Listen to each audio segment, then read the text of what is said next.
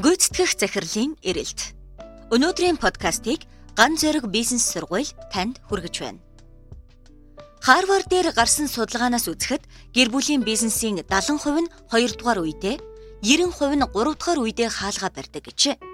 Энэ бол Америкийн статистик.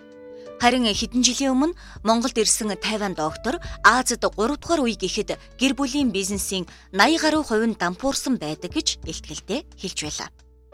Ирэх 5-аас 10 жилд манай 1990 онд эхэлсэн ихэнх нэгдүгээр үеийн бизнесмэнүүд гавьяаны амралтандаа гарч бизнесээ шин захирлууд шин эздэд шилжүүлнэ. Гүйцэтгэх захирлын эрэлт. Мэдээж альва компани хамгийн чухал менежер бол гүйцэтгэх захирал.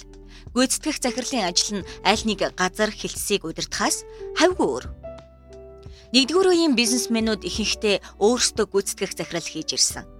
Харин саяхнаас өөрсдийн баруун зүүн гаруудыг гүйцэтгэх захирлаар томилж, гавьяаны амралтандаа гарах бэлтгэлээ базааж ихэлсэн нь ажиглагдж байна. Туулын мөсийг долоох шахан байж босгосон бизнесээ хинд найдаж үлдээх вэ? Манай ерөнхий Нябо маш сайн ажиллаж байсан. Харин гүйцэтгэх захирал болгосноос хойш бит хоёрын хооронд том асуудал үүсэт байна гэж зөвлөгөө асуух эзэдтэй түгээмэл таарч байна. Энэ бол өнөөдөр Монголын бизнесийн ертөнцид үүсэж байгаа хамгийн түгээмэл асуудал юм. Миний харахад асуудал өөрөө хоёр хэмжүүртэй. Үүнийг дор тайлбарлая. Хөгжүүлдэггүй босс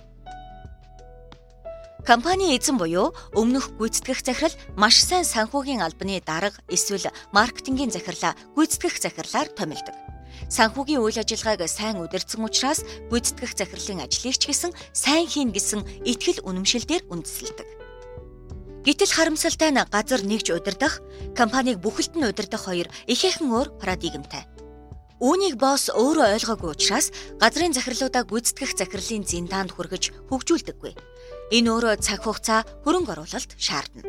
Дээрэс нь газрын захирлуудаа сэтгэл зүйн хувьд эртнээс бэлдэж эхэлдэггүй. Гинэт нэг өдөр томлож орхидог. Ур чадвар сэтгэл зүйн хувьд бэлэн биш хүн эхний өдрөөс л самгардах нь тодорхой шүү дээ. Хөгждөггүй ажилтан. Бас газар хэлцийн захирлуудад түгээмэл ажиглагддаг нэг дутагдал нь хувь хүний хөгжил байдаг. Хүний нөөц, санхүү, маркетинг, үйлдвэрлэл зэрэг компани нэг функцийг сайн хариуцаж ажилласныгаа хувь хүний ур чадварын хувьд болчихлоо гэж буруу бодож нэг цэг дээрээ очиж гацдаг анх ажилд орж байсан, ахлах болж байсан, газрын захирал болж байсан үеишгээ өөрийгөө хөгжүүлэхэ болчихдог. Мөн гүйцэтгэх захирлаар томилогдсон хойноо өмнөх арга барилаараа ажиллах гээд байдаг. Гэтэл өмнө нь цоо шин парадигм нээгдэж гүйцэтгэх захирлын зиндаанд шин зангаргаар хөдлөх хэрэгтэй байгааг ойлгохгүй цаг алддаг.